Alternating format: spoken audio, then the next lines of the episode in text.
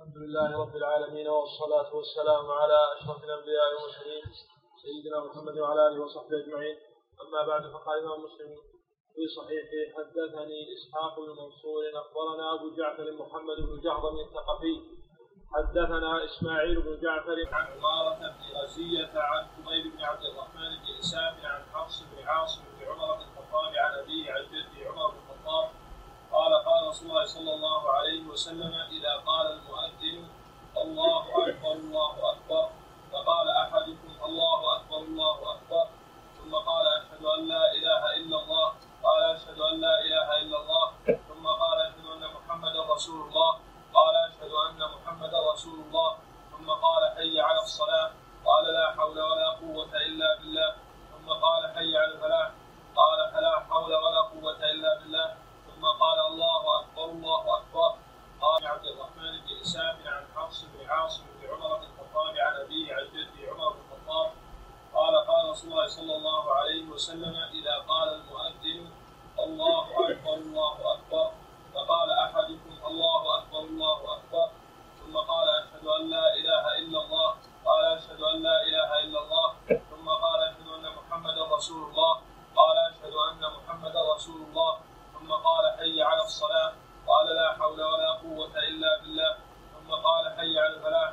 قال فلا حول ولا قوة إلا بالله. ثم قال الله أكبر الله أكبر. قال الله أكبر الله أكبر. ثم قال لا إله إلا الله. قال لا إله إلا الله. من قلبه دخل الجنة. ماذا استدل الخبر هذا؟ آه، يعبر عنه استدل به آه، أولا مثلا سديد يكون حال لا يكون نعم. ما يستفاد منه؟ قال الله أكبر الله أكبر. هذا نستفيد هذه اللفظة. عليه وسلم إذا قال المؤذن الله أكبر الله أكبر فقال أحدكم الله أكبر الله أكبر ثم قال أشهد أن لا إله إلا الله قال أشهد أن لا إله إلا الله ثم قال أشهد أن محمدا رسول الله قال أشهد أن محمدا رسول الله ثم قال حي على الصلاة قال لا حول ولا قوة إلا بالله ثم قال حي على الفلاح قال فلا حول ولا قوة إلا بالله ثم قال الله أكبر الله أكبر قال الله أكبر الله أكبر ثم قال لا إله إلا الله قال لا إله إلا الله من قلبه دخل الجنة. ماذا استدل الخبر هذا؟ آه، يعبر عنه أن استدل به أولا مثلا سديد يكون حال لا يكون. نعم ما يستفاد منه؟ قال الله أكبر الله أكبر. هذا نستفيد هذه اللفظة. آه، جمع اللفظتين بنفس واحد نعم يعبر عنك أكبر الله أكبر ثم قال أشهد أن لا إله إلا الله قال أشهد أن لا إله إلا الله ثم قال أشهد أن محمدا رسول الله قال أشهد أن محمدا رسول الله ثم قال حي على الصلاة قال لا حول ولا قوة إلا بالله ثم قال حي على الفلاح قال فلا حول ولا قوة إلا بالله ثم قال الله أكبر الله أكبر قال الله أكبر الله أكبر ثم قال لا إله إلا الله قال لا إله إلا الله من قلبه دخل ماذا استدل الخبر هذا؟ آه، يعبر عنه أن استدل به آه، أولا مثلا سديد يكون حال لا يكون نعم ما يستفاد منه قال الله أكبر الله أكبر. هذا نستفيد هذه اللفظة؟ آه، قال جمع اللفظتين بنفس واحد نعم يعبر عنك اشتراط الخاص والقصد تجيب على التكبير سابع صحيح وأيضا فيه قال اشهد ان محمدا رسول الله ثم قال حي على الصلاه قال لا حول ولا قوه الا بالله ثم قال حي على الفلاح قال فلا حول ولا قوه الا بالله ثم قال الله اكبر الله اكبر قال الله اكبر الله اكبر ثم قال لا اله الا الله قال لا اله الا الله من قلبه دخل الجنه ماذا استدل الخبر هذا؟ آه، يعبر عنه ان استدل به آه، اولا مثلا سديد يكون حال لا نعم ما يستفاد منه قال الله أكبر الله أكبر. هذا نستفيد هذه اللفظة. آه، جمع اللفظتين بنفس واحد.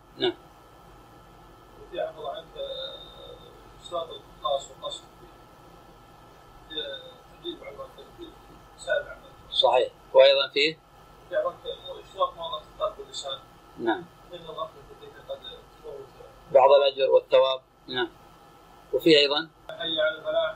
قال فلا حول ولا قوة إلا بالله. ثم قال الله أكبر الله أكبر.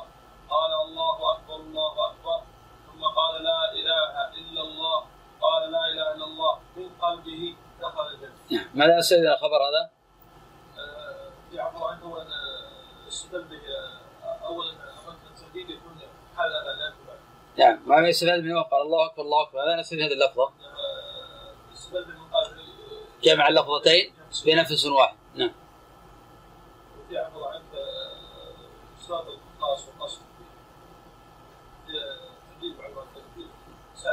صحيح. وأيضا فيه نعم. بعض الأجر والثواب. نعم. وفيه أيضا آخر حديث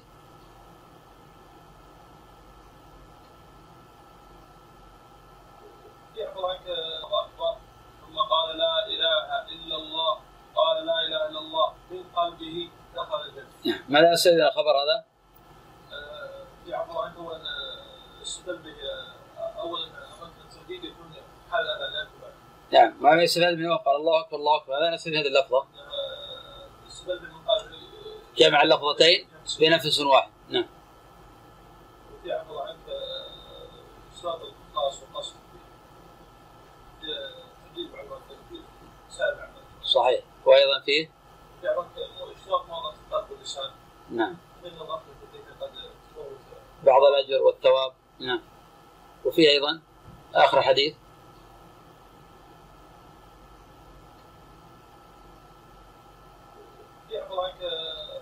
من الأعمال سبب دخول الجنة.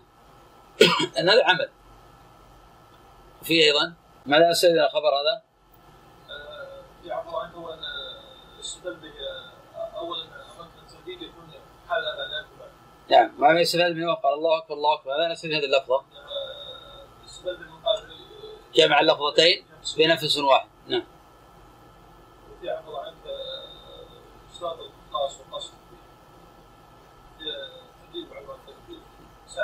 صحيح. وأيضا فيه؟ نعم. بعض الأجر والثواب. نعم. وفيه أيضا آخر حديث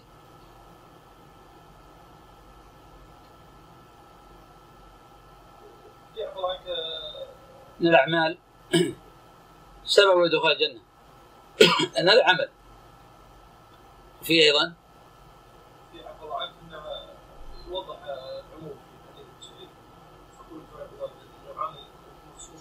ما يستفاد منه قال الله أكبر الله أكبر. هذا نستدل هذه اللفظة. من جمع اللفظتين بنفس واحد. نعم.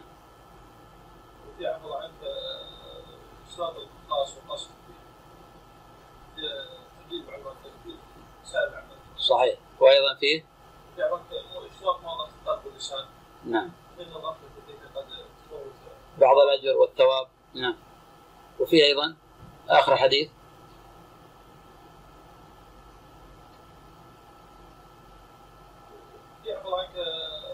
من الأعمال سبب دخول الجنة.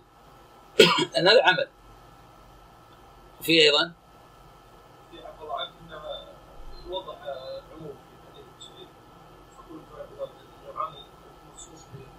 نعم.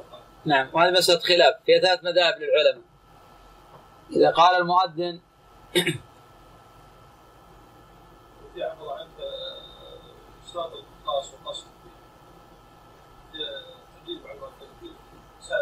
صحيح. وأيضا فيه؟ نعم. بعض الأجر والثواب. نعم. وفيه أيضا آخر حديث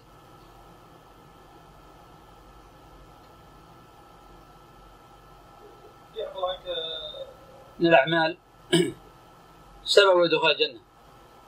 أن هذا عمل أيضا في به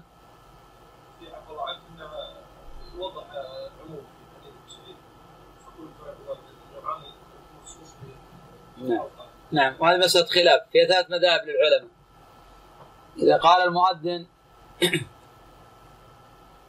أشهد أن لا إله إلا الله أشهد أن لا إله إلا الله أشهد أن محمدا رسول الله أشهد أن رسول الله حي على الصلاة حي على الصلاة حي...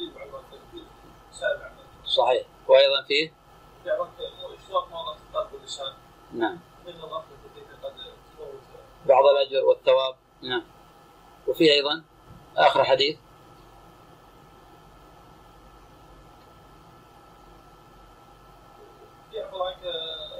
من الأعمال سبب دخول الجنة. أن هذا عمل في أيضا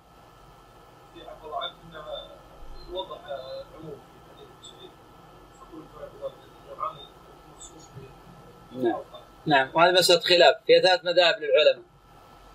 إذا قال المؤذن أشهد أن لا إله إلا الله أشهد أن لا إله إلا الله أشهد أن رسول الله أشهد أن رسول الله. حي على الصلاة حي على الصلاة حي على الفلاح حي على الفلاح. هل تقول حينئذ لا حول ولا قوة إلا بالله أو بعض الأجر والثواب؟ نعم. وفي أيضا آخر حديث.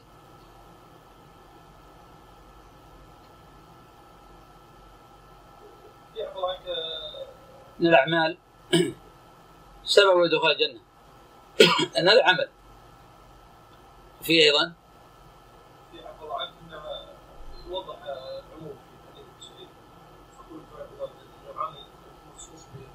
نعم. نعم. وهذه مسألة خلاف. فيها ثلاث مذاهب للعلماء. إذا قال المؤذن أشهد أن لا إله إلا الله أشهد أن لا إله إلا الله أشهد أن رسول الله أشهد أن رسول الله حي على الصلاة حي على الصلاة حي على الفلاح حي على الفلاح. هل تقول حينئذ لا حول ولا قوة إلا بالله أو تقول مثله في ذلك ثلاث مذاهب للعلماء. وكلها أوجه في مذهب أحمد. الوجه الأول. من الأعمال سبب دخول الجنة. أن هذا عمل في أيضا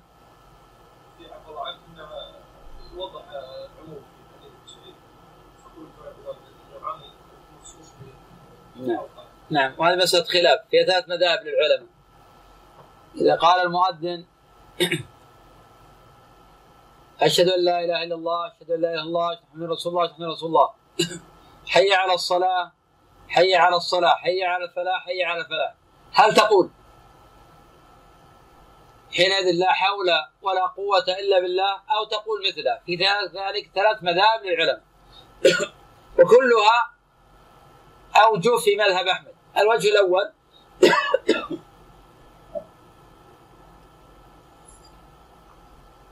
أنك تقول لا حول ولا أن هذا عمل في أيضا.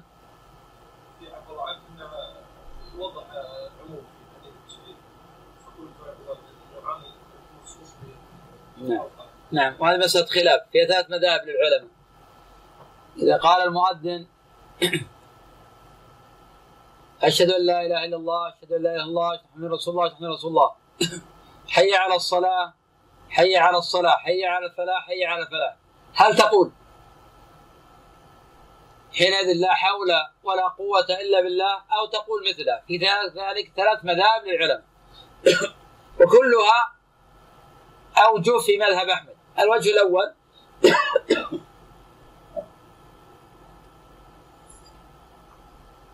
أنك تقول لا حول ولا قوة إلا بالله. لأن مطلق يحمل على المقيد كما قال في المراقي. وحمل مطلقا على ذاك وجب الجمعان مخصوص به نعم. نعم. وهذه مسألة خلاف. فيها ثلاث مذاهب للعلماء. إذا قال المؤذن أشهد أن لا إله إلا الله أشهد أن لا إله إلا الله أشهد أن رسول الله أشهد أن رسول الله حي على الصلاة حي على الصلاة حي على الفلاح حي على الفلاح. هل تقول حينئذ لا حول ولا قوة إلا بالله أو تقول مثله في ذلك ثلاث مذاهب للعلماء؟ وكلها أوجه في مذهب أحمد. الوجه الأول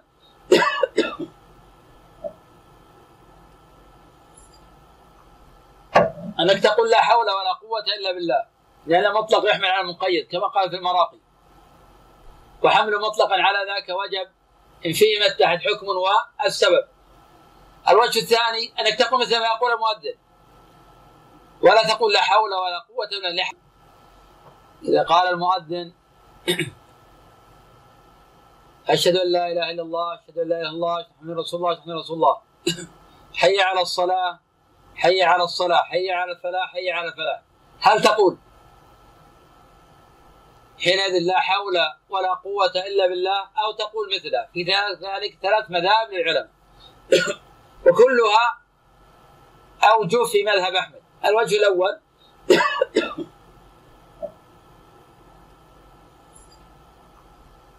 أنك تقول لا حول ولا قوة إلا بالله. لأن مطلق يحمل على المقيد كما قال في المراقي.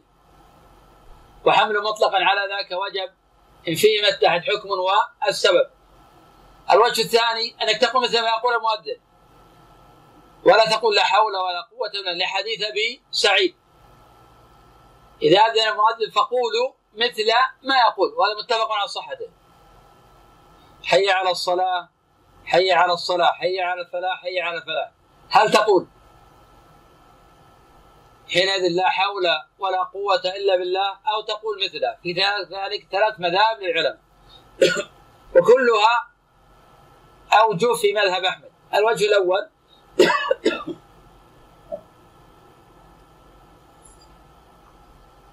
أنك تقول لا حول ولا قوة إلا بالله لأن مطلق يحمل على المقيد كما قال في المراقي. وحمل مطلقا على ذاك وجب إن فيه ما اتحد حكم والسبب. الوجه الثاني أنك تقول مثل ما يقول المؤذن. ولا تقول لا حول ولا قوة إلا لحديث أبي سعيد. إذا أذن المؤذن فقولوا مثل ما يقول وهذا متفق على صحته.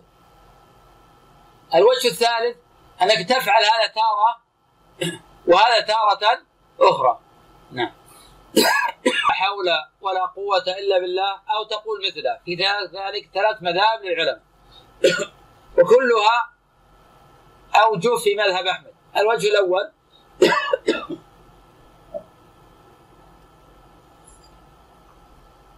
أنك تقول لا حول ولا قوة إلا بالله.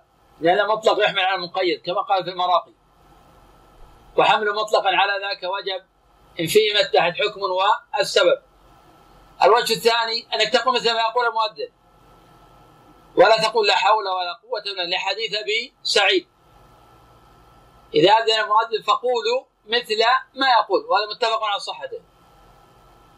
الوجه الثالث أنك تفعل هذا تارة وهذا تارة أخرى. نعم. حدثنا محمد بن رمح أخبرنا الليث عن الحكيم بن عبد الله بن قيس القرشي. حاء وحدثنا قتيبة. أوجه في مذهب أحمد. الوجه الأول.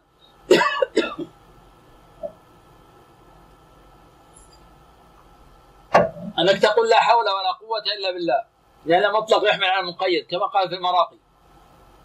وحمل مطلقا على ذاك وجب إن فيه ما اتحد حكم والسبب. الوجه الثاني أنك تقول مثل ما يقول المؤذن. ولا تقول لا حول ولا قوة إلا لحديث أبي سعيد. إذا أذن المؤذن فقولوا مثل ما يقول وهذا متفق على صحته. الوجه الثالث أنك تفعل هذا تارة وهذا تارة أخرى. نعم. حدثنا محمد بن رمح أخبرنا الليث عن الحكيم بن عبد الله بن قيس القرشي. حاء وحدثنا قتيبة بن سعيد حدثنا ليث عن الحكيم بن عبد الله عن عامر بن سعد بن أبي وقاص عن سعد بن أبي وقاص عن رسول الله صلى الله عليه وسلم. أنك تقول لا حول ولا قوة إلا بالله. لأن مطلق يحمل على المقيد كما قال في المراقي. وحمل مطلقا على ذاك وجب إن فيه ما اتحد حكم والسبب. الوجه الثاني أنك تقول مثل ما يقول المؤذن. ولا تقول لا حول ولا قوة إلا لحديث أبي سعيد. إذا أذن المؤذن فقولوا مثل ما يقول وهذا متفق على صحته. الوجه الثالث أنك تفعل هذا تارة وهذا تارة أخرى. نعم. حدثنا بن أخبرنا الليث عن الحكيم بن عبد الله بن قيس القرشي. حاء وحدثنا قتيبة بن سعيد حدثنا ليث عن الحكيم بن عبد الله عن عامر بن سعد بن أبي وقاص عن سعد بن أبي وقاص عن رسول الله صلى الله عليه وسلم أنه قال من قال حين يسمع المؤذن أشهد أن لا إله إلا الله وحده لا شريك له وأن محمدا عبد إن فيه ما اتحد حكم والسبب. الوجه الثاني أنك تقول مثل ما يقول المؤذن. ولا تقول لا حول ولا قوة إلا لحديث أبي سعيد إذا أذن المؤذن فقولوا مثل ما يقول وهذا متفق على صحته. الوجه الثالث أنك تفعل هذا تارة وهذا تارة أخرى. نعم. حدثنا بن أخبرنا الليث عن الحكيم بن عبد الله بن قيس القرشي. حاء وحدثنا قتيبة بن سعيد. حدثنا ليث عن الحكيم بن عبد الله عن عامر بن سعد بن أبي وقاص عن سعد بن أبي وقاص عن رسول الله صلى الله عليه وسلم أنه قال من قال حين يسمع المؤذن أشهد أن لا إله إلا الله وحده لا شريك له وأن محمدا عبده ورسوله رضيت بالله ربا وبمحمد رسولا وبالإسلام دينا غفر له ذنب. قوة لحديث أبي سعيد. إذا أذن المؤذن فقولوا مثل ما يقول وهذا متفق على صحته. الوجه الثالث أنك تفعل هذا تارة وهذا تارة أخرى. نعم. حدثنا محمد بن روح أخبرنا الليث عن الحكيم بن عبد الله بن قيس القرشي حاء وحدثنا قتيبة بن سعيد حدثنا ليث عن الحكيم بن عبد الله عن عامر بن سعد بن أبي وقاص عن سعد بن أبي وقاص عن رسول الله صلى الله عليه وسلم أنه قال من قال حين يسمع المؤذن أشهد أن لا إله إلا الله وحده لا شريك له وأن محمدا عبده ورسوله رضيت بالله ربا وبمحمد رسولا وبالإسلام دينا غفر له ذنب. نعم. نعم. قال ابن رمح في روايه من قال حين يسمع المؤذن وأنا أشهد ولم يذكر قتيبة قوله وأنا. الوجه الثالث أنك تفعل هذا تارة وهذا تارة أخرى. نعم. حدثنا محمد بن رمح أخبرنا الليث عن الحكيم بن عبد الله بن قيس القرشي حاء وحدثنا قتيبة بن سعيد حدثنا ليث عن الحكيم بن عبد الله عن عامر بن سعد بن أبي وقاص عن سعد بن أبي وقاص عن رسول الله صلى الله عليه وسلم أنه قال من قال حين يسمع المؤذن أشهد أن لا إله إلا الله وحده لا شريك له وأن محمدا عبده ورسوله رضيت بالله ربا وبمحمد رسولا وبالإسلام دينا غفر له ذنب. نعم. قال ابن في رواية من قال حين يسمع المؤذن وأنا أشهد ولم يذكر قتيبة قوله وأنا. ماذا استفيد هذا الخبر؟ في مشروعية هذا هذا الذكر عند الاذان لكن قوله وانا حدثنا محمد بن روح أخبرنا الليث عن الحكيم بن عبد الله بن قيس القرشي حاء وحدثنا قتيبة بن سعيد حدثنا ليث عن الحكيم بن عبد الله عن عامر بن سعد بن أبي وقاص عن سعد بن أبي وقاص عن رسول الله صلى الله عليه وسلم أنه قال من قال حين يسمع المؤذن أشهد أن لا إله إلا الله وحده لا شريك له وأن محمدا عبده ورسوله رضيت بالله ربا وبمحمد رسولا وبالإسلام دينا غفر له ذنب. نعم. نعم. قال ابن في روايه من قال حين يسمع المؤذن وأنا أشهد ولم يذكر قتيبة قوله وأنا. ماذا استفيد هذا الخبر؟ في مشروعية هذا وفي لكن قوله وأنا أشهد هل المقصود يقول وأنا أشهد فقط؟ أي والباقي؟ نعم هذا الصحيح نعم نبي من قال هذا فهم حدثنا قتيبة بن سعيد حدثنا ليث عن الحكيم بن عبد الله عن عامر بن سعد بن أبي وقاص عن سعد بن أبي وقاص عن رسول الله صلى الله عليه وسلم أنه قال من قال حين يسمع المؤذن أشهد أن لا إله إلا الله وحده لا شريك له وأن محمدا عبده ورسوله رضيت بالله ربا وبمحمد رسولا وبالإسلام دينا غفر له ذنب. نعم. نعم. قال ابن رمح في رواية من قال حين يسمع المؤذن وأنا أشهد ولم يذكر قتيبة قوله وأنا. ماذا أستفيد هذا الخبر؟ في مشروعية هذا هذا الذكر عند الاذان وفي لكن قوله وأنا أشهد. هل المقصود يقول وأنا أشهد فقط؟ أي والباقي نعم هذا الصحيح نعم نبي من قال هذا فهم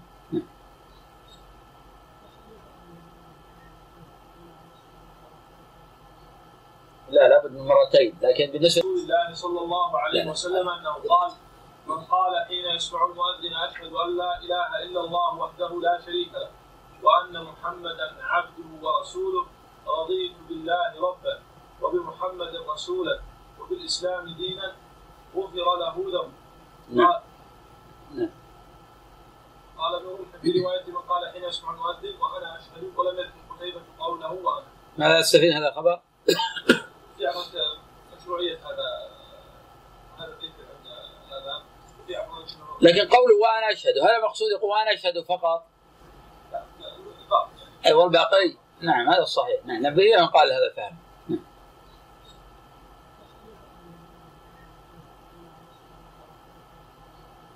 لا لابد من مرتين. لكن بالنسبة للالتفات الالتفات تلتفت في الحيعلتين لكن لا يلزم العامه عندنا الآن.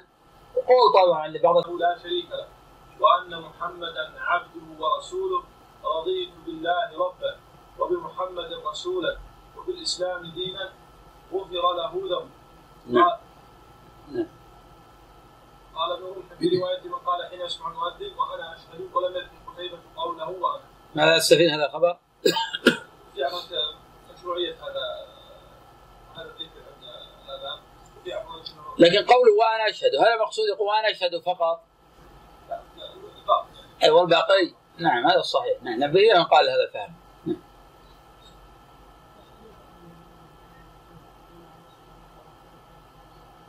لا لابد من مرتين لكن بالنسبة للالتفات الالتفات تلتفت في الحيعلتين لكن لا يلزم تثلاث العامه عندنا الآن. قول طبعا لبعض الفقهاء إذا قال حي على الصلاة التفت يمينا. ثم قال حي على الصلاة التفت يمينا. ثم حي على الإسلام دينا غفر له ذنب. نعم. نعم. قال ابن رشد في رواية من قال حين يسمع المؤذن وأنا أشهد ولم يذكر قتيبة قوله وأنا. ماذا تستفيد هذا الخبر؟ في مشروعية هذا هذا الذكر عند الاذان في لكن قوله وأنا أشهد. هل المقصود يقول وأنا أشهد فقط؟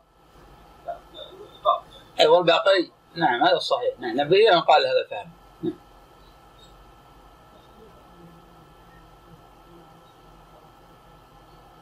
لا لابد من مرتين. لكن بالنسبة للالتفات الالتفات تلتفت في الحيعلتين لكن لا يلزم العامة عندنا الآن قول طبعا لبعض الفقهاء إذا قال حي على الصلاة التفت يمينا.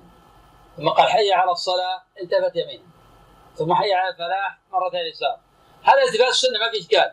لكن هذه ليس بسنة ولم يثبت عليه دليل أنك تخصص الاثنتين لليمين. ولم قوله ماذا تستفيد هذا الخبر؟ في مشروعيه هذا هذا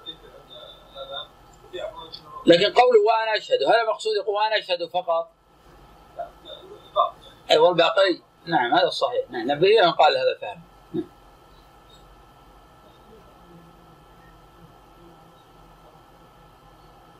لا لابد من مرتين. لكن بالنسبة للالتفات الالتفات تلتفت في الحيعلتين لكن لا يلزم العامه عندنا الآن قول طبعا لبعض الفقهاء إذا قال حي على الصلاة التفت يمينا. ثم قال حي على الصلاة التفت يمينا. ثم حي على الفلاح مرتين يسار. هذا التفات السنة ما في إشكال. لكن هذه ليس بسنة ولم يثبت عليه دليل أنك تخصص الاثنتين لليمين. يعني بإمكانك تقول حي على الصلاة في اليمين حي على الصلاة أيضا لليسار حي على الفلاح واحد اليمين لكن قوله وأنا أشهد. هل المقصود يقول وأنا أشهد فقط؟ أي والباقي. نعم هذا الصحيح نعم نبي من قال هذا فهم نعم.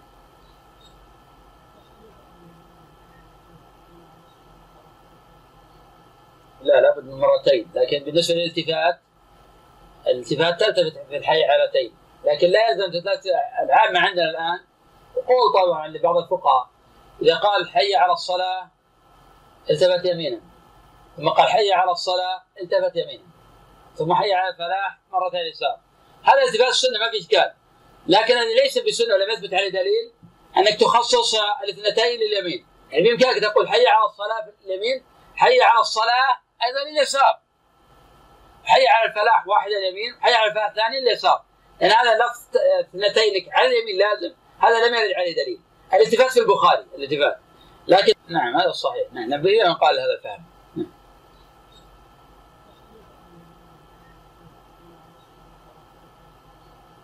لا لابد من مرتين. لكن بالنسبة للالتفات الالتفات تلتفت في الحيعلتين لكن لا يلزم العامة عندنا الآن. قول طبعا لبعض الفقهاء إذا قال حي على الصلاة التفت يمينا. ثم قال حي على الصلاة التفت يمينا. ثم حي على الفلاح مرتين يسار هذا التفات السنة ما في اشكال لكن هذه ليس بسنة ولم يثبت عليه دليل أنك تخصص الاثنتين لليمين. يعني بإمكانك تقول حي على الصلاة في اليمين حي على الصلاة أيضا اليسار حي على الفلاح واحد اليمين حي على الفلاح الثاني اليسار لأن هذا لفظ اثنتين على اليمين لازم. هذا لم يرد عليه دليل. الالتفات في البخاري الالتفات لكن تخصيص اللفظتين على اليمين هذا ما ورد عليه دليل.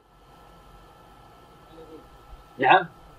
وضع اليدين وضع اليدين في لا لابد من مرتين لكن بالنسبة للالتفات الالتفات تلتفت في الحي علتين لكن لا يلزم العامه عندنا الآن قول طبعا لبعض الفقهاء إذا قال حي على الصلاة التفت يمينا.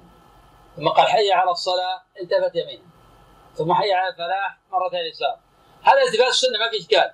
لكن هذه ليس بسنة ولم يثبت عليه دليل أنك تخصص الاثنتين لليمين. يعني بامكانك تقول حي على الصلاة في اليمين حي على الصلاة أيضا اليسار حي على الفلاح واحد اليمين حي على الفلاح الثاني اليسار لأن يعني هذا لفظ اثنتين على اليمين لازم. هذا لم يرد عليه دليل. الالتفات في البخاري الالتفات لكن تخصيص اللفظتين على اليمين هذا ما ورد عليه دليل. نعم. وضع اليدين. وضع اليدين في رواية وقعت عند آه، الترمذي من طريق عبد الرزاق. عن الثوري عن عون بن جحيفه آه، العامه عندنا الآن. قول طبعا لبعض الفقهاء إذا قال حي على الصلاة التفت يمينا. ثم قال حي على الصلاة التفت يمينا. ثم حي على الفلاح مرتين يسار هذا التفات السنة ما في إشكال.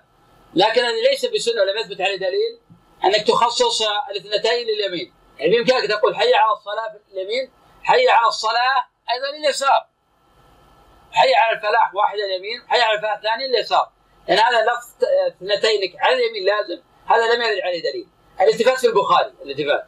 لكن تخصيص اللفظتين على اليمين هذا ما ورد عليه دليل. نعم. وضع اليدين. وضع اليدين في رواية وقعت عند آه، الترمذي من طريق عبد الرزاق عن الثوري عن عون بن جحيفه آه، عن أبيه. والترمذي صح هذا الخبر. ولكن جزم غير واحد من الحفاظ بأن اللفظ شاذه لا شاهد عند ابن ماجه على الصلاة التفت يمينا ثم حي على الفلاح مرتين يسار. هذا التفات السنة ما في إشكال. لكن هذه ليس بسنة ولم يثبت عليه دليل أنك تخصص الاثنتين لليمين. يعني بإمكانك تقول حي على الصلاة في اليمين حي على الصلاة أيضا اليسار حي على الفلاح واحد اليمين حي على الفلاح الثاني اليسار لأن يعني هذا لفظ اثنتين على اليمين لازم. هذا لم يرد عليه دليل. الالتفات في البخاري الالتفات لكن تخصيص اللفظتين على اليمين هذا ما ورد عليه دليل. نعم. وضع اليدين. وضع اليدين في رواية وقعت عند آه، الترمذي من طريق عبد الرزاق عن الثوري عن عون بن جحيفه آه، عن أبيه. والترمذي صح هذا الخبر. ولكن جزم غير واحد من الحفاظ بأن اللفظ شاذه لا شاهد عند ابن ماجه أيضا من طريق الحجاج بن أرطاه وسيء آه، الحفظ. قد جاء في البخاري معلقة عن ابن عمر أنه كان يؤذن وهو أنك تخصص الاثنتين لليمين. يعني بإمكانك تقول حي على الصلاة في اليمين حي على الصلاة أيضا اليسار حي على الفلاح واحد اليمين حي على الفلاح الثاني اليسار لأن يعني هذا لفظ اثنتين على اليمين لازم. هذا لم يرد عليه دليل.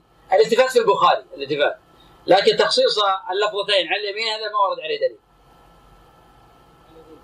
نعم؟ وضع اليدين؟ وضع في رواية وقعت عند آه، الترمذي من طريق عبد الرزاق عن الثوري عن عون بن جحيفه آه، عن أبيه. والترمذي صح هذا الخبر ولكن جزم غير واحد من الحفاظ بأن اللفظ شاذه لا شاهد عند ابن ماجه أيضا من طريق الحجاج بن أرطاه وسيء آه، الحفظ. قد جاء في البخاري معلقة عن ابن عمر أنه كان يؤذن وهو ليديه. وهذا عند البخاري معلقة. ولكن إذا كان يفعل هذا لحفظ الصوت لأن اللي يضع يديه يحفظ صوته. ويكون حي على الفلاح واحد اليمين حي على الفلاح الثاني اليسار. لأن هذا لفظ اثنتين على اليمين لازم. هذا لم يرد عليه دليل. الالتفات في البخاري الالتفات لكن تخصيص اللفظتين على اليمين هذا ما ورد عليه دليل. نعم. وضع اليدين. وضع اليدين في رواية وقعت عند آه، الترمذي من طريق عبد الرزاق عن الثوري عن عون بن جحيفة عن أبيه والترمذي صح هذا الخبر ولكن جزم غير واحد من الحفاظ بأن اللفظ شاذه لا شاهد عند ابن ماجه أيضا من طريق الحجاج بن أرطاه وسيء آه، الحفظ. قد جاء في البخاري معلقة عن ابن عمر أنه كان يؤذن وهو ليديه. وهذا عند البخاري معلقة. ولكن إذا كان يفعل هذا لحفظ الصوت لأن اللي يضع يديه يحفظ صوته ويكون أبعد تبليغ هذا لا بأس به. لكن ليس هو السنة بذاته لأن لم يثبت عليه دليل. نعم. لكن تخصيص اللفظتين على اليمين هذا ما ورد عليه دليل. نعم. وضع اليدين وضع اليدين في رواية وقعت عند آه، الترمذي من طريق عبد الرزاق عن الثوري عن عون بن جحيفه آه، عن أبيه. والترمذي صح هذا الخبر ولكن جزم غير واحد من الحفاظ بأن اللفظ شاذه شاهد عند ابن ماجه أيضا من طريق الحجاج بن أرطاه وسيء آه، الحفظ. قد جاء في البخاري معلقة عن ابن عمر أنه كان يؤذن وهو سادر ليديه وهذا عند البخاري معلقة. ولكن إذا كان يفعل هذا لحفظ الصوت لأن اللي يضع يديه يحفظ صوته ويكون أبعد تبليغ هذا لا بأس به. لكن ليس هو السنة بذاته لأن لم يثبت عليه دليل. نعم. بعد الأذان ولا لا مر بالدعوه التامة. والله الظاهر والعياذ الله والله في رواية وقعت عند آه، الترمذي من طريق عبد الرزاق عن الثوري عن عون بن جحيفه آه، عن ابيه والترمذي صح هذا الخبر ولكن جزم غير واحد من الحفاظ بأن اللفظ شاذه لا شاهد عند ابن ماجه أيضا من طريق الحجاج بن أرطاه وسيء آه، الحفظ. قد جاء في البخاري معلقة. عن ابن عمر أنه كان يؤذن وهو سادر ليديه. وهذا عند البخاري معلقة. ولكن إذا كان يفعل هذا لحفظ الصوت لأن اللي يضع يديه يحفظ صوته. ويكون أبعد تبليغ هذا لا بأس به. لكن ليس هو السنة بذاته لأن لم يثبت عليه دليل. نعم. بعد الأذان ولا لا؟ مر بالدعوه التامة. والله الظاهر والعياذ الله أن بعد اشهد ان الله محمد رسول الله إنه في أثناء هذا. وفي مسألة خلافية هل في نهاية الأذان؟ أم في وسط الأذان؟ الظاهر والعياذ الله انه عن أبيه والترمذي صح هذا الخبر ولكن جزم غير واحد من الحفاظ بأن اللفظ شاذة. لا شاهد عند ابن ماجه أيضا من طريق الحجاج بن أرطاه وسيء آه، الحفظ. قد جاء في البخاري معلقة عن ابن عمر أنه كان يؤذن وهو ليديه وهذا عند البخاري معلقة. ولكن إذا كان يفعل هذا لحفظ الصوت لأن اللي يضع يديه يحفظ صوته ويكون أبعد تبليغ هذا لا بأس به. لكن ليس هو السنة بذاته لأن لم يثبت عليه دليل. نعم. بعد الاذان ولا لا مر بالدعوه التامة؟ والله الظاهر والعياذ الله أن بعد أشهد أن الله محمد رسول الله إنه في أثناء هذا. وفي مسألة خلافيه هل في نهاية الأذان أم في وسط الأذان. الظاهر والعياذ الله أنه في وسط الأذان وأن الأدلة أقوى في هذا. حدثنا محمد بن عبد الله بن حدثنا محمد أيضا طريق الحجاج بن أرطاه وسيء آه، الحفظ. قد جاء في البخاري معلقة عن ابن عمر أنه كان يؤذن وهو سادر ليديه وهذا عند البخاري معلقة. ولكن إذا كان يفعل هذا لحفظ الصوت لأن اللي يضع يديه يحفظ صوته ويكون أبعد آه، تبليغ هذا لا بأس به. لكن ليس هو السنة بذاته لأن لم يثبت عليه دليل. نعم. بعد الاذان ولا لا مر بالدعوه التامة؟ والله الظاهر والعياذ الله أن بعد أشهد أن الله محمد رسول الله انه في أثناء هذا. وفي مسألة خلافية هل في نهاية الأذان؟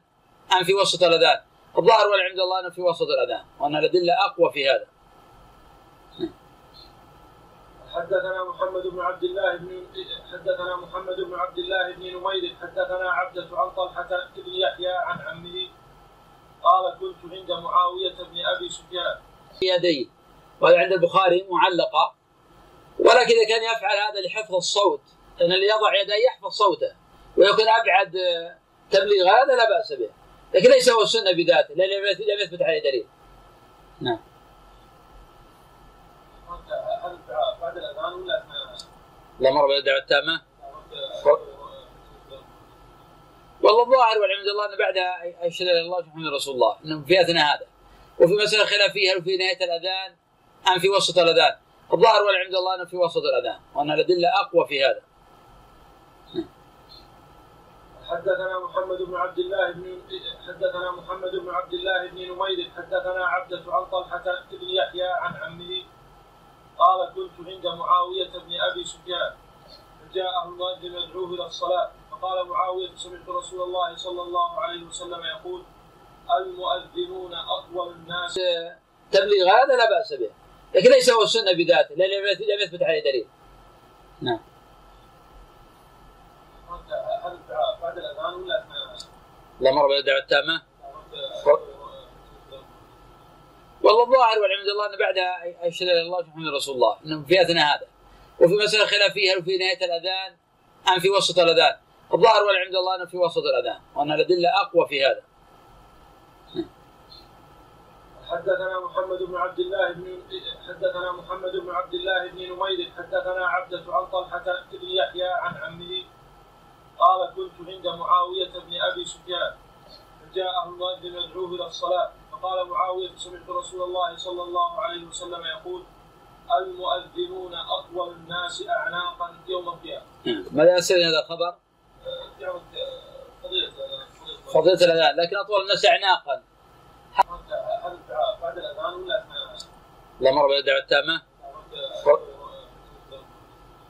والله الظاهر والعلم عند الله أن بعدها اشهد إلى الله محمد رسول الله إنه في أثناء هذا وفي مسألة خلافية هل في نهاية الأذان ام في وسط الأذان.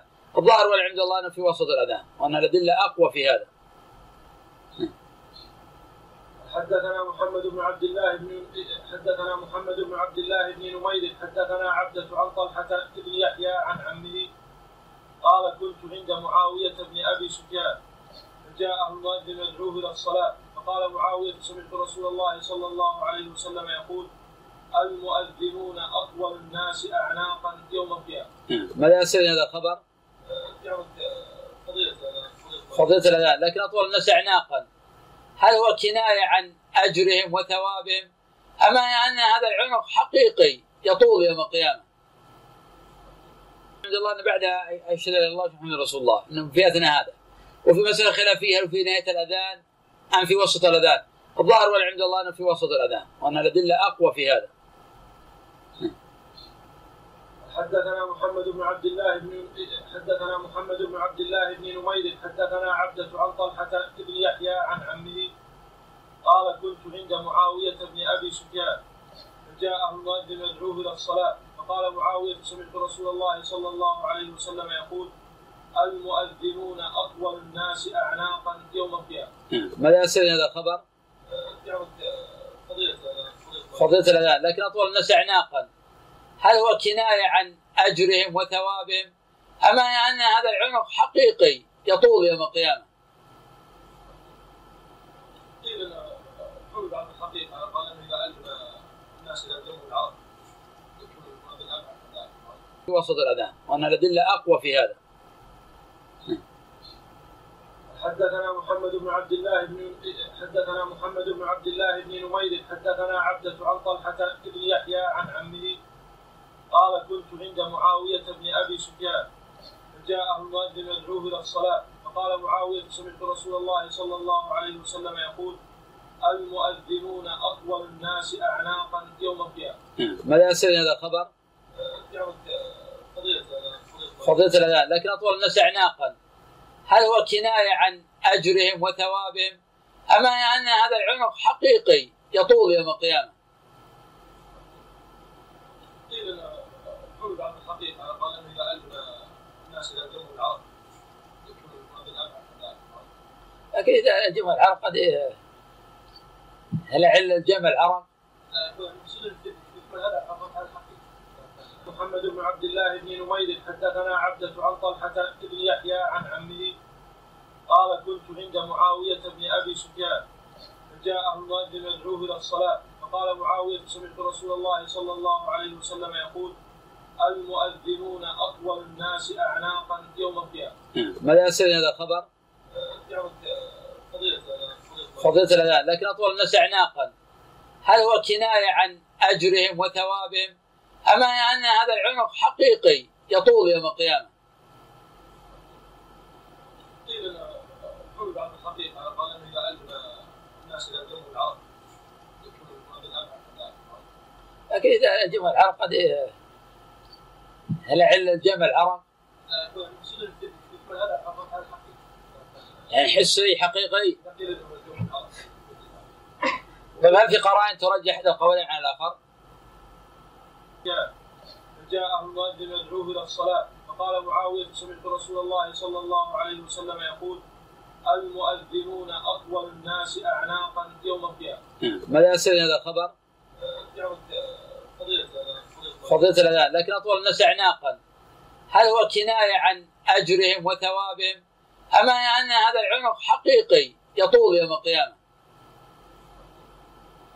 قيل حول بعض الحقيقة قال الناس ذلك. لكن إذا جمع العرب قد هل عل الجمع العرب. يعني حسي حقيقي قيل انه الجو العرب.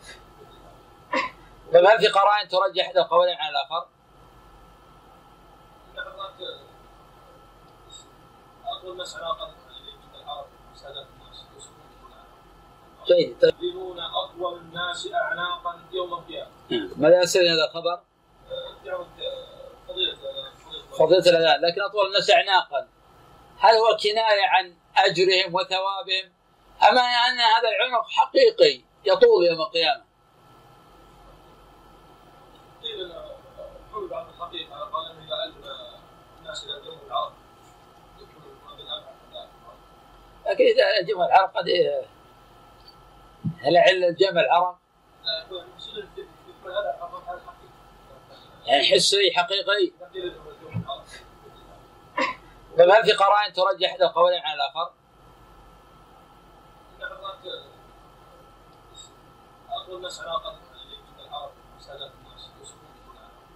طيب هل في قرائن ترجح قولا على قول؟ اي ما صح ذكرت قولين. وأنا قلت لك هذا لكن اطول الناس اعناقا هل هو كناية عن أجرهم وثوابهم؟ اما أن هذا العنق حقيقي يطول يوم القيامة؟ قيل حول بعض الحقيقة قال أنه إذا ألف الناس الجو العرب. لكن إذا جمع العرب قد هل عل الجمع العرب؟ يعني حسي حقيقي. طيب هل في قرائن ترجح إحدى القولين على الآخر؟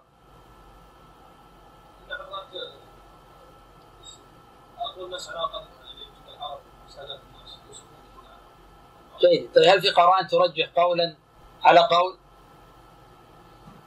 إي ما صح ذكرت قولين وأنا قلت لك هذا إما يكون المعنى كناية عن ثواب أو أن هذا طول حسي حقيقي العنق هكذا تطول عنق والله يطول عنقه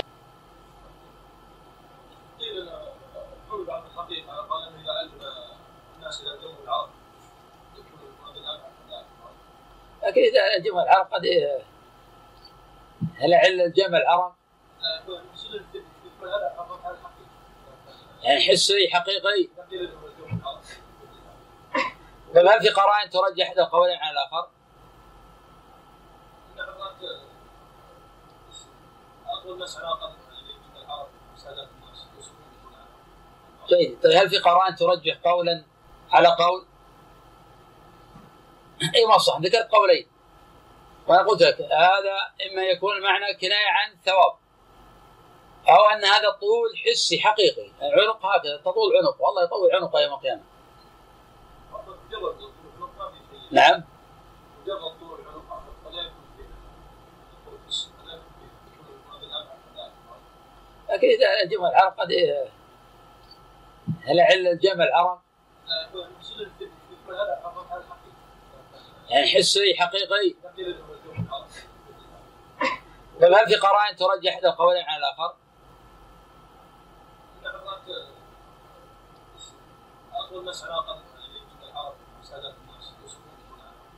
جيد طيب هل في قرائن ترجح قولا على قول؟ اي صح ذكرت قولين وأنا قلت لك هذا إما يكون المعنى كناية عن ثواب أو أن هذا طول حسي حقيقي. العنق هكذا تطول عنق. والله يطول عنقه يوم القيامة. نعم.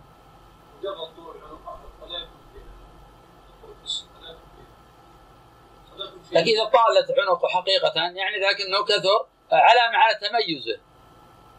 هذا مقصود تمييز. يعني حسي حقيقي طيب هل في قرائن ترجح احدى القولين على الآخر؟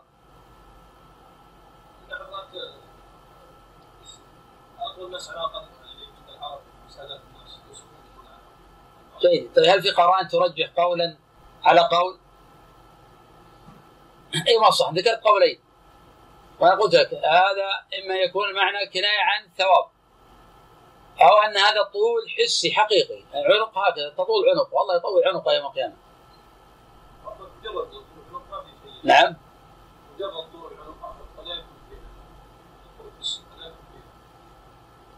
لكن إذا طالت عنقه حقيقة يعني ذاك انه كثر علامه على تميزه.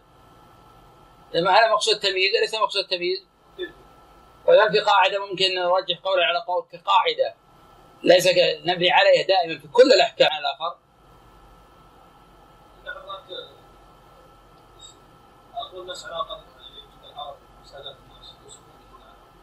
جيد طيب هل في قرائن ترجح قولا على قول؟ اي ما صح ذكرت قولين. وأنا قلت لك هذا إما يكون المعنى كناية عن ثواب أو أن هذا طول حسي حقيقي. العنق هكذا تطول عنق. والله يطول عنقه يوم القيامة. نعم.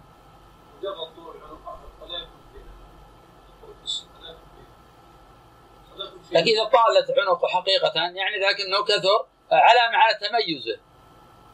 لما هذا مقصود التمييز ليس مقصود التمييز. وإذا في قاعدة ممكن نرجح قولي على قول كقاعدة. ليس نبني عليها دائما في كل الأحكام. نعم. صالح. في قاعدة في هذا. تامر. جيد طيب هل في قرائن ترجح قولا على قول؟ اي صح ذكرت قولين وأنا قلت لك هذا إما يكون المعنى كناية عن ثواب أو أن هذا طول حسي حقيقي العنق هكذا تطول عنق والله يطول عنقه يوم القيامة.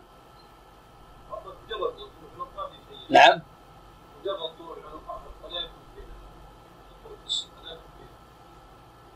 لكن إذا طالت عنقه حقيقة يعني ذاك إنه كثر علامه على تميزه.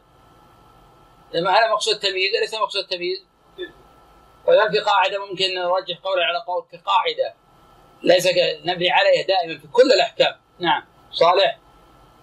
في قاعدة في هذا. تامر نعم.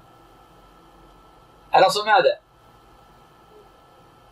أي لفظ أو خبر على حقيقته؟ نعم صحيح. وأنا قلت لك هذا إما يكون المعنى كناية عن ثواب.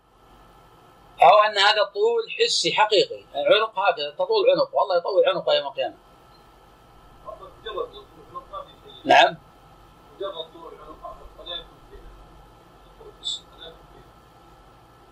لكن إذا طالت عنقه حقيقة يعني ذاك إنه كثر علامه على تميزه. هذا مقصود التمييز ليس مقصود التمييز وإذا في قاعدة ممكن نرجح قولي على قول كقاعدة. ليس نبني عليها دائما في كل الأحكام. نعم. صالح في قاعدة في هذا تامر. نعم. الأصل ماذا؟ أي لفظ أو خبر يحمل على حقيقته؟ نعم صحيح. هذه القاعدة. هذه القاعدة متفق عليها في الجملة. هذه القاعدة متفق عليها في الجملة. أن كل لفظ عنق هكذا تطول عنق والله يطول عنقه يوم القيامة. نعم.